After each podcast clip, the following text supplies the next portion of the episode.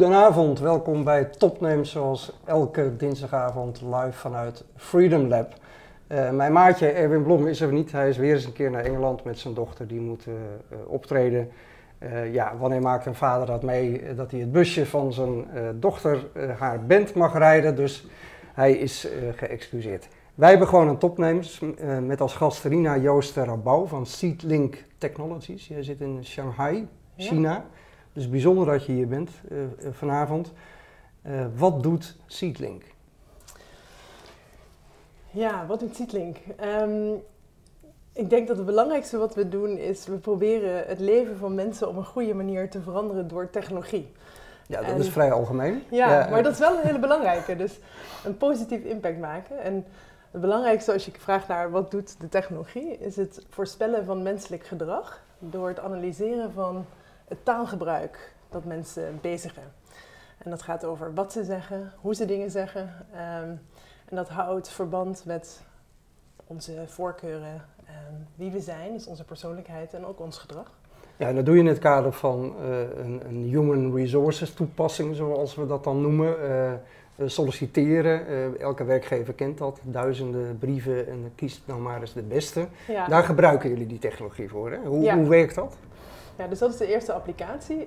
Um, het werkt als volgt. Um, als jij nu morgen zou solliciteren bij een bedrijf um, en dat bedrijf maakt gebruik van onze technologie, dan zullen ze jou vragen om in plaats van je cv op te sturen uh, drie open vragen te beantwoorden. En die vragen gaan over dingen die van belang zijn voor dat bedrijf en die ze graag over jou willen weten. En jij beantwoordt die vragen op je eigen manier, op je eigen wijze. Je, je deelt je eigen ideeën, ervaringen. En um, op het moment dat je dat hebt afgerond, en dat kan via je mobiele telefoon of via de laptop die jij voor je hebt. Um, en op basis van de antwoorden die jij teruggeeft, kunnen onze algoritmes beoordelen of dat jij op de functie past waarop je solliciteert, maar ook binnen de bedrijfscultuur, uh, binnen het bedrijf waar jij net um, dat digitale interview hebt dat, afgerond. Dat klinkt ongelooflijk onwaarschijnlijk. Drie vragen. Ja. Hoe, hoe kan je nou zeg maar dat beter beoordelen, want dat zeg je tussen de regels door ook nog, dan een, een cv en iemand die dat gaat bestuderen en ja. achtergrondinformatie van iemand. Hoe kan je nou in drie vragen iemand beoordelen?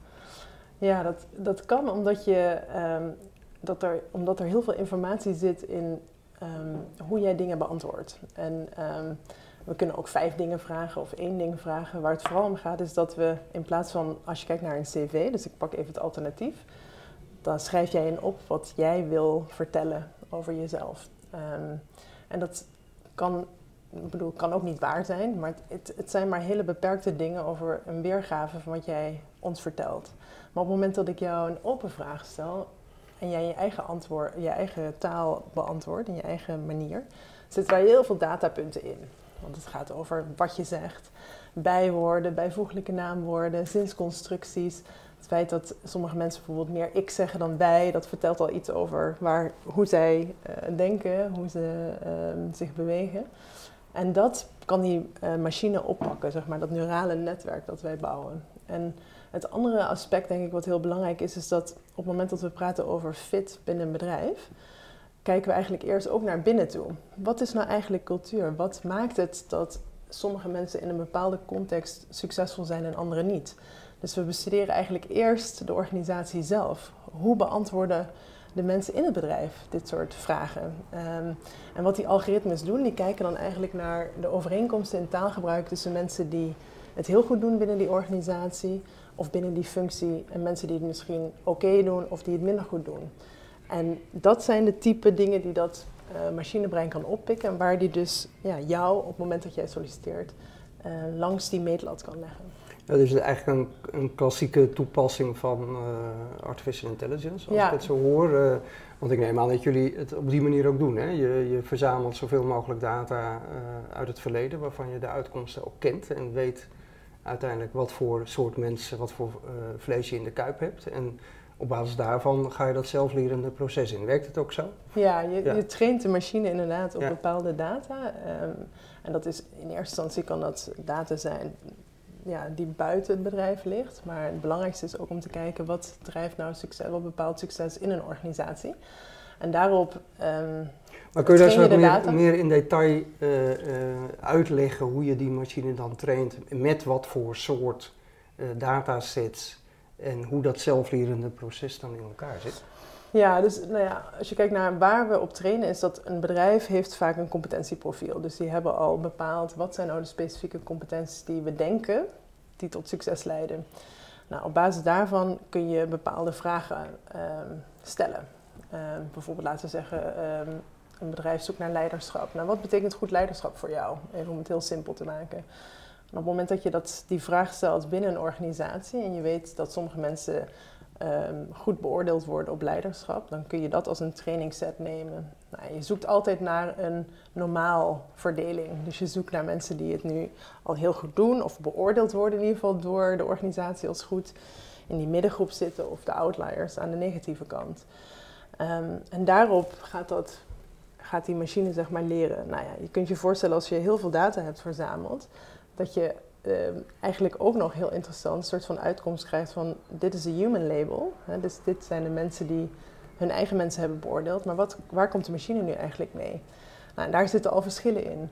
En als je het nou hebt over machine learning, dan gaat het erom dat je eigenlijk ehm, wil volgen wat succes eigenlijk betekent in een organisatie. Dus je blijft op elk moment, eh, blijven bedrijven volgen hoe mensen het doen. Ja, want daar, daar wilde ik eigenlijk heen. Ja. Want, want eh, weet je wat, ik, ik vind artificial intelligence, ik was ook weer in, eh, op South by Southwest dit jaar. Mhm. en ik geloof dat er 67 eh, sessies waren over. met artificial intelligence of machine learning in de titel. ja, Alleen ja, al. ja, ja, precies. Ik denk dat het overal besproken werd. Dus het is ook een buzzword aan het worden en iedereen roept het te pas en te onpas. Eh, dus vandaar dat ik echt, echt op zoek ben naar, weet je, wat doen jullie nou echt met ja. die eh, machine learning? Want het gaat er natuurlijk uiteindelijk om, dat vind ik ook interessant waar je nu naartoe wil, dat je eh, de uitkomsten ook moet volgen van Ja. een, een proces en bepaalde datasets om dat zelflerende mechanisme op gang te krijgen. Hoe, doe- hoe doe je dat dan? Is het dan ook zo dat als je mensen koppelt aan een bedrijf, dat je dat dan blijft volgen? Of ja. eh, dat je kunt controleren of je algoritme klopt en dat je dat die zelflerende eh, cyclus in kunt? Ja, nou ja, het is precies wat je zegt. Dus we volgen ehm, op verschillende punten in het proces volgen we wat er gebeurt met die kandidaten. En ehm, daarop itereer je die modellen ook, worden die modellen geïtereerd. En dat gaat heel erg over naar hoe presteren bijvoorbeeld mensen in een interview. Ehm, dat is al een startpunt. Ehm, wie wordt er eigenlijk aangenomen? Ehm, hoe doen die mensen het in hun eerste drie maanden? En gaan ze door met de baan? Eh, Ja, En eigenlijk- hoe beoordeel je dat dan? Zijn dat dan wel menselijke beoordelingen die eigenlijk controleren of het algoritme Ja, het zijn Ja. menselijke beoordelingen. Dus je krijgt Ja. uiteindelijk menselijke beoordelingen terug in het systeem waarop die modellen worden geïtereerd. Ja. Jij ging ooit naar China met eh, Top Talent International, was geloof ik je International Top Talent, Inter- ja. Zoiets, oké. Eh, het klinkt als wat meer, eh, zeg maar, middle of the road recruiting. Hoe ben je op dit traject gekomen, op dit spoor gekomen? Nou ja, wij hadden inderdaad een eh, HR consultancy, eh, meer de klassieke Ja. eh, tak van sport. Dus het, het helpen van bedrijven aan met name Chinese techneuten. Dus mensen met een beta-achtergrond voor R&D-organisaties in Europa. En, en China staat, loopt echt voorop, zeg maar, op het gebied Er worden van heel veel technologie. techneuten opgeleid. hè? Ja, er worden heel Ja. veel techneuten opgeleid. Ja. En door die praktijkervaring merkte natuurlijk dat onze mensen die in onze teams werkten, ja, dat het gewoon heel lastig is om te bepalen wie nou de juiste persoon is voor de juiste functie. Ehm, ondanks dat we heel veel stappen in zo'n proces nemen. En ehm, ik, ik kom zeg maar vanuit mijn. Ik ben ooit begonnen zeg maar, aan, een, aan de technologiekant binnen eh, een groot bedrijf. Ehm, en ik zag eigenlijk wel ergens al aan die horizon dat er hele nieuwe technologieën opkwamen. Dat toen, die toen nog geen buzzword waren. Hè? Dus computational linguistics en AI en deep learning. Dat waren echt nog dingen die je niet hoorde vijf jaar geleden. Ja. Of vier jaar geleden. Ehm, en, en het grappige was, ik was bevallen van mijn derde kind. En ik wisselde van kantoor toen er tijd. En liep een, ehm, ergens bij de koffietafel een kerel tegen het lijf die bezig was met deze technologie. Ehm, en die had inmiddels een soort van dat geprobeerd te commercialiseren in educatie, wat natuurlijk een hele interessante markt is, maar heel erg door de overheid gedreven. En toen zei ik, hey, dit zou heel interessant kunnen zijn voor HR, want het is zo lastig om te bepalen als kandidaat waar je voor moet gaan, maar ook ehm, als bedrijf om überhaupt te bedenken wie er op een functie past. En zo zijn we begonnen. Ja. en uiteindelijk hebben we onze bedrijven geïntegreerd en zijn we samen verder gegaan. Ja, gefuseerd en een ja. bedrijf gevormd. Ja. En waren dat ook waren dat Chinezen die dit aan doen waren of ook Europeanen? Nee, waren uh, dus Robin Young, dat is een Amerikaan ehm, met Chinese voorouders. Uh, dus hij is weer teruggekomen eigenlijk vanuit Amerika naar Shanghai. En twee Shanghainese oprichters. Dus we waren met, met die groep samen. Het is echt een, een internationaal Chinese combinatie. Ja, en je zei het net ook al, hè, van... Ehm, nou, dan gaat dat krijg je zo'n brainwave en denkt, hey, dit, dit zou voor die hele HR-markt uh, eh, razend interessant zijn. Dan kan ik me ook nog helemaal voorstellen dat je als sollicitant denkt, nou ja, baat het niet, dan schaadt het niet, weet je wel. Ik, ik wil wel met zo'n systeem werken, maar je loopt natuurlijk, uh, tenminste althans als ik om me heen kijk, dan is de gemiddelde hoofd HR van een middelgroot bedrijf in Nederland nou niet de meest vooruitstrevende functionaris. Uh, die denkt, weet je wat, ik ga mijn mensen vanaf nu eens met kunstmatige intelligentie aannemen. Loop je daar niet ongelooflijk tegenaan? Nou ja, initieel, en dat is wel leuk aan in China beginnen, omdat daar het innovatieklimaat, uh, bedrijven innoveren echt samen met start-ups. Dus mensen staan veel meer open om, om nieuwe technologieën uit te proberen, zijn ook veel meer vergevingsgezind. Dus op het moment dat het bijvoorbeeld niet werkt of ze geven feedback, dan zijn ze ook weer helemaal open om een soort van nieuwe. Maar geldt dat uh, zelfs voor de gemiddelde chef uh, personeels? Uh, je ziet, ja, nou, je ziet altijd early adopters en je ziet mensen die volgen. Um, en we hebben natuurlijk op heel veel deuren geklopt en ook heel veel nee's gekregen, totdat er twee bedrijven waren die zeiden: hey, grappig, ja, wij voelen ergens intuïtief aan dat we mensen over het hoofd zien. En wij willen dit eigenlijk wel proberen. En we zijn eigenlijk pas het product gaan bouwen toen we het verkocht hadden. Um, en in het begin waren dat gewoon Excel-spreadsheets die we verkochten. En inmiddels is daar een hele applicatie uitgebouwd. En dat is toch wel anders dan dat ik dat in Nederland gewend was. Waar we eigenlijk vaak al producten bouwen voordat we getest hebben in de markt. Ja. En dan zijn onze resources. Hoe komt het dat, dat het innovatieklimaat zo anders is in, uh, in China? Ja, ik weet niet. Ik denk dat mensen zijn heel... Um, ja, ik, ik denk dat je, dat je ziet vanuit, je ziet dat er heel veel stappen worden overgeslagen. Dus um, om een voorbeeld te geven, ik moest hier weer even wennen als ik in Nederland ben, want dan moet ik weer pinnen en uh, geld uit de muur trekken. En in China oh, is... Doe, doe ik nooit. Nee? nee? Nou ja, je hebt nog een soortje kaartje of zo, weet je wel? Of je pasje wat je op dingen kan leggen. Ja. Maar in China scan ik een QR-code ja. uh, en een vingerafdruk en dan ben ik klaar. Dus mijn hele, alles speelt zich af binnen WeChat. Um, uh, en, en dus op de een of andere manier, ik heb het gevoel dat er bepaalde slagen worden gemaakt die, die we hier een soort van klassieke stappen doorlopen. En daar worden de hele stappen overgeslagen. Ja. En um, omdat, dat, ja, omdat ze dat zo gewend zijn, zijn ze daar heel open voor. Op de een of andere manier. Dus heel erg open om dingen te proberen. Ja, nu, nu hebben jullie als bedrijven internationale ambities. Merk je ook echt dat verschil als je uh, uh, zeg maar of je in, in, in, Nederland of met grote internationale klanten praat of met Chinese bedrijven over jullie technologie? Um, ik zag nou, ook best een paar hele mooie uh, internationale bedrijven op je lijstje staan. Coca-Cola, InBev, ja. Hugo Boss, Accenture. Ja, PwC, L'Oreal. Ja, we werken voor een aantal mooie ja. bedrijven. Ja, en dat zijn natuurlijk westerse bedrijven die, in China, die we in China bedienen. Um, en die ons op een gegeven moment gevraagd hebben van... hey, kunnen jullie dit ook voor ons wereldwijd doen? Um, en ik vind het wel, je stelde de vraag van gaat het sneller? Ja, het gaat wel sneller in China dan dat het hier gaat. Dus ik merk hier in gesprekken met klanten dat er gewoon gaat altijd wel veel meer tijd overheen voordat de volgende stap daar is. En in China, ik was nu in Hongkong bij een van de grootste um, ja, Aziatische bedrijven. En ik zat woensdag aan tafel. Vrijdag belden ze me, Waar is, waarom heb je nog steeds geen proposal gestuurd? En um, wat is het vandaag? Uh, dinsdag, dus nou, een paar dagen later, het weekend daarna, hebben we de deal.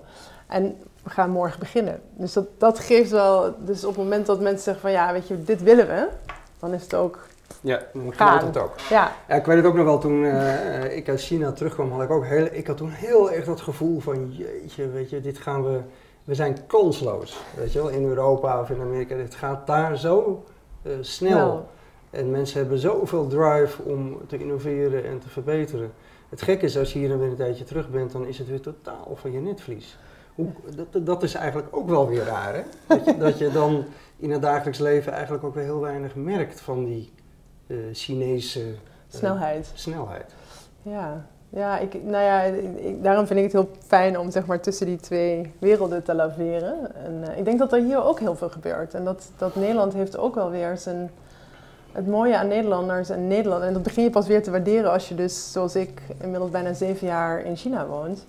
Is dat wij wel een ontzettend open cultuur hebben. In ieder geval, ik hoop dat we die ook houden. En um, pragmatisch zijn. En um, naar, ook naar, naar buiten kijken, omdat we dat altijd nodig hebben gehad om succesvol te zijn. Dus we zijn ook wel weer bruggenbouwers in dat, uh, in dat aspect. En dat maakt Nederland ook wel een mooie ja, een mooi startpunt vanuit ons, om vanuit hier zeg maar, Europa binnen te gaan. Ja, maar wat moeten we echt absoluut leren van de Chinese de start-up zien en de innovatie die daar Ja, flexibiliteit.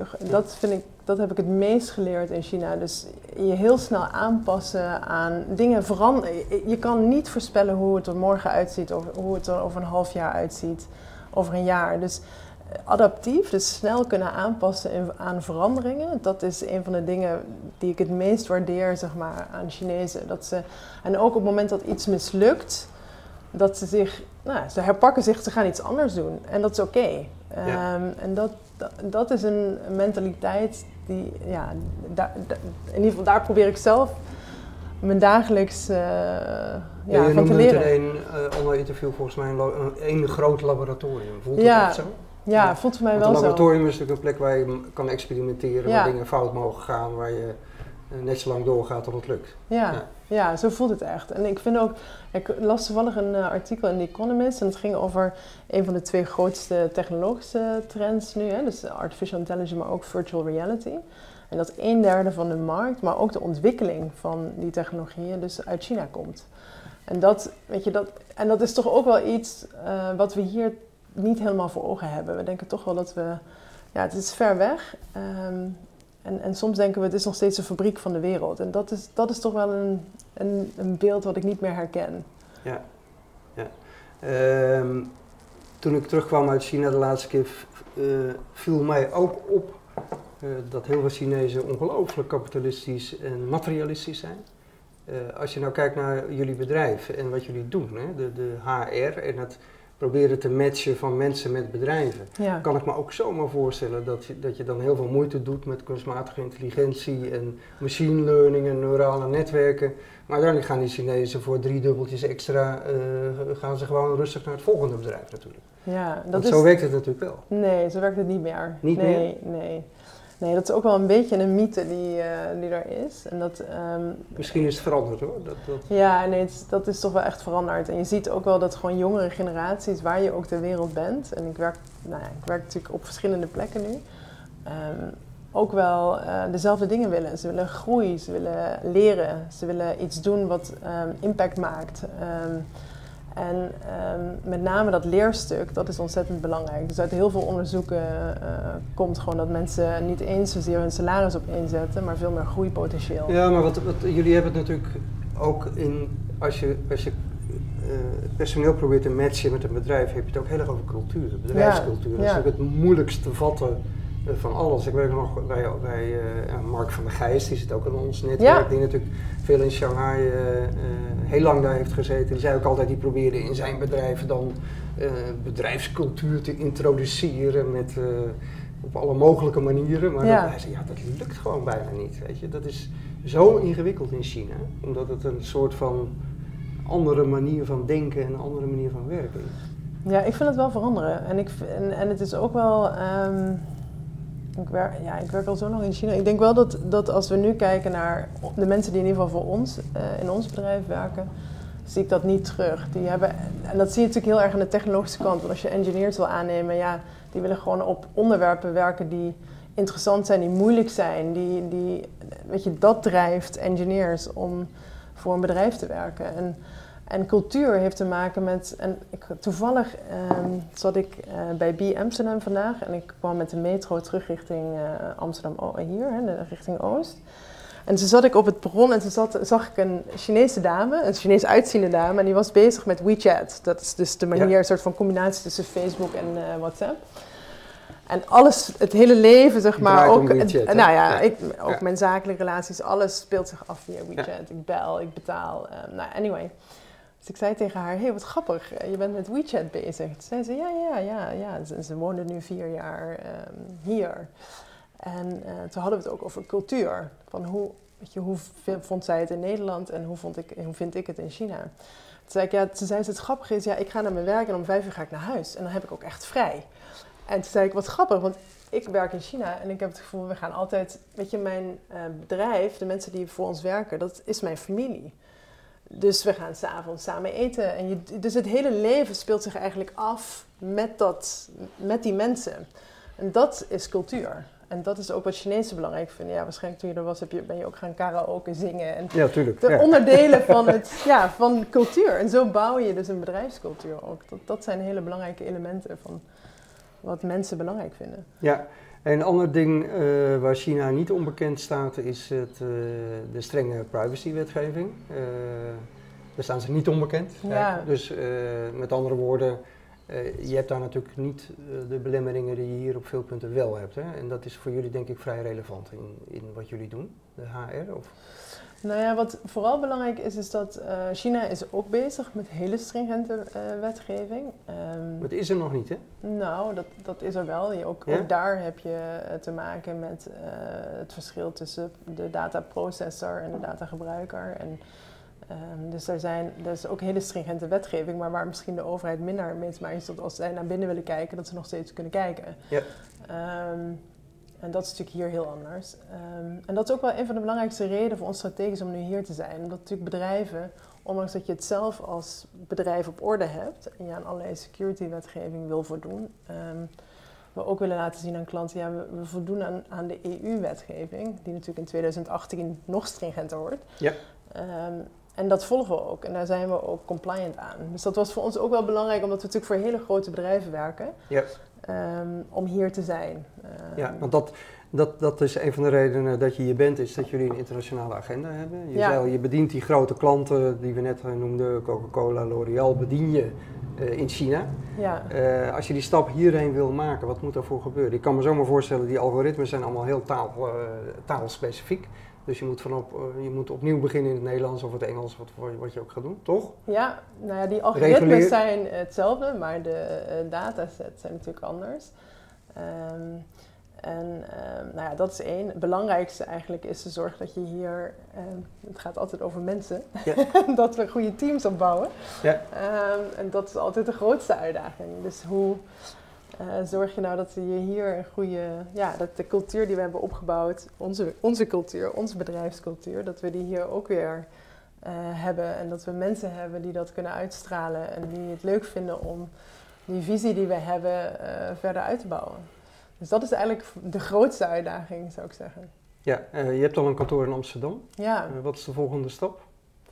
Nou, de volgende stap is te zorgen dat we, ehm, dat we daar een goed draaiend team hebben zitten. Dat zich goed voelt en dat ehm, hier onze klanten goed kan helpen. En ehm, van daaruit gaan we weer verder kijken. We nemen ook even wat vragen van Twitter. Eh, volgens eh eh, Jury van Geest, die zegt dat China ontzettend voorop loopt op het gebruik van quantum AI. Ehm, tegelijkertijd zegt hij dat, dat dat een enorme inner circle is in China, dat je daar moeilijk in binnenkomt. Maar maken jullie daar al gebruik van, van kwantumtechnologie? Nou, dat zou je onze engineers moeten vragen. Oké, gaat te ver. gaat te diep.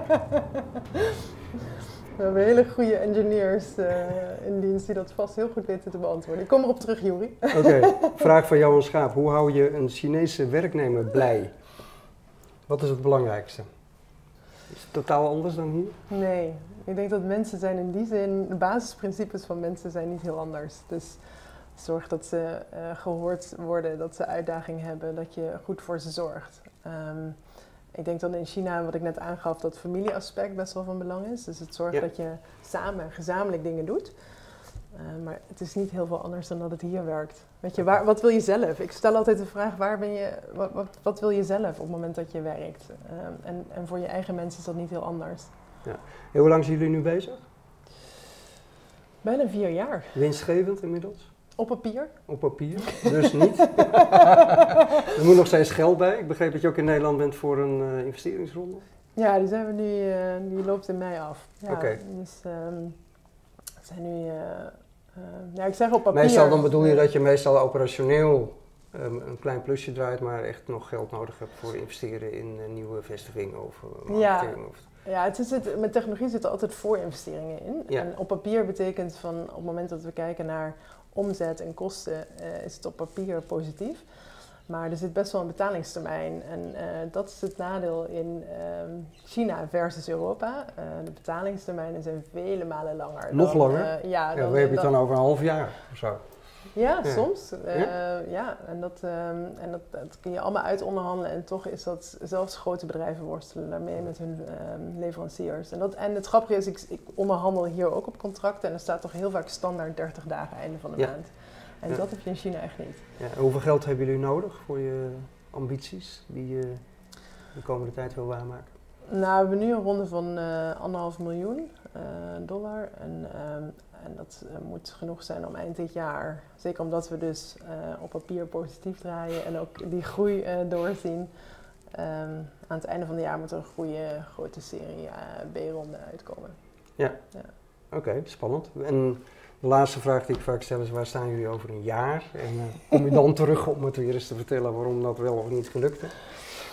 Ja, over een jaar um, dan uh, wil ik hier wel met een groot, goed team zitten. Dus ook waarmaken dat de hier Europese, in Amsterdam. Ja, in Amsterdam. Dat ja. de Europese ambitie ook echt bewaarheid is. Dus dat we klanten hier goed kunnen helpen. Dat uh, 30 tot 50 procent van onze omzet uit Europa komt. En um, vooral, en dat is waar ik mee, het verhaal mee begon, dat we mensen gelukkig maken door inzicht te geven waar zij het gelukkigst kunnen zijn, op welke baan. Ik vind het toch ook wel weer intrigerend dat je dan het zo belangrijk vindt om zo'n groot gedeelte van je omzet uit, Amerika te, oh, uit uh, Europa te halen.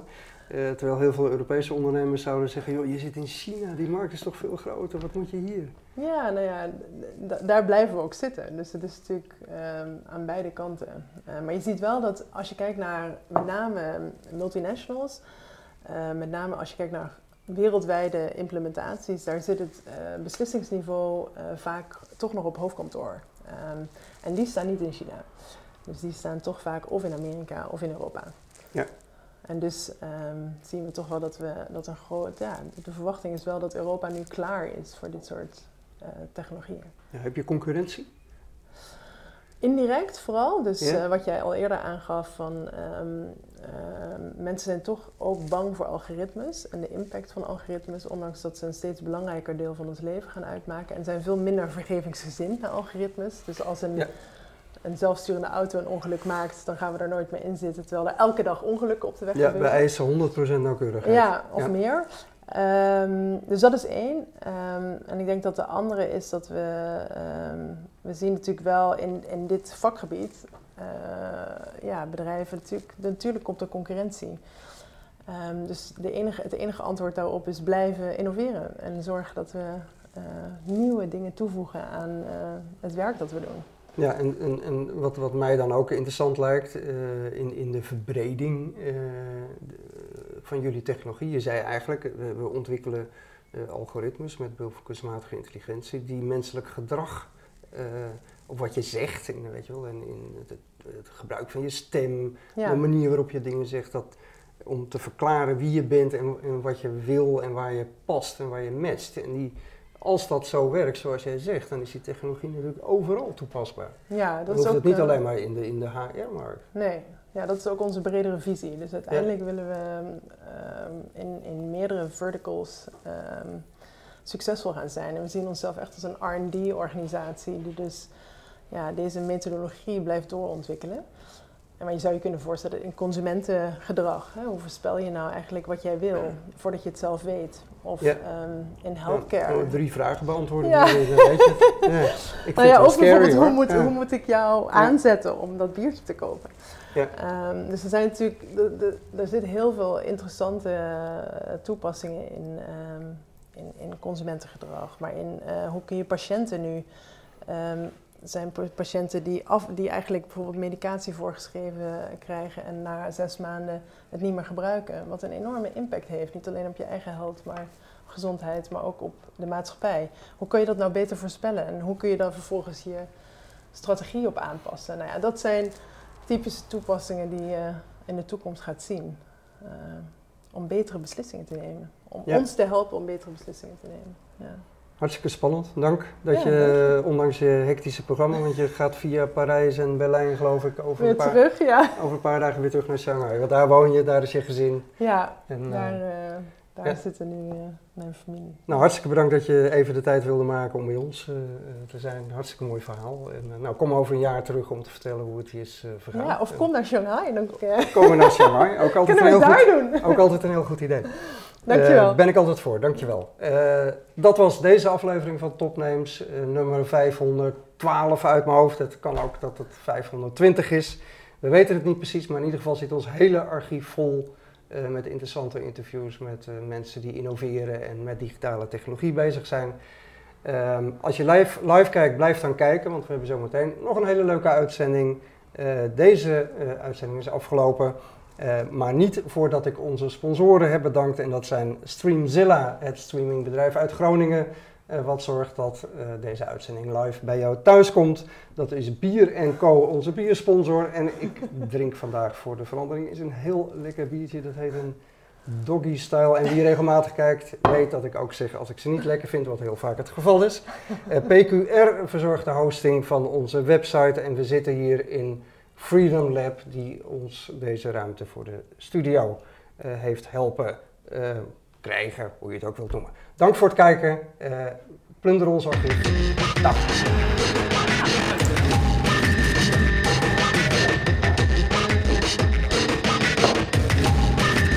Dankjewel. Ja.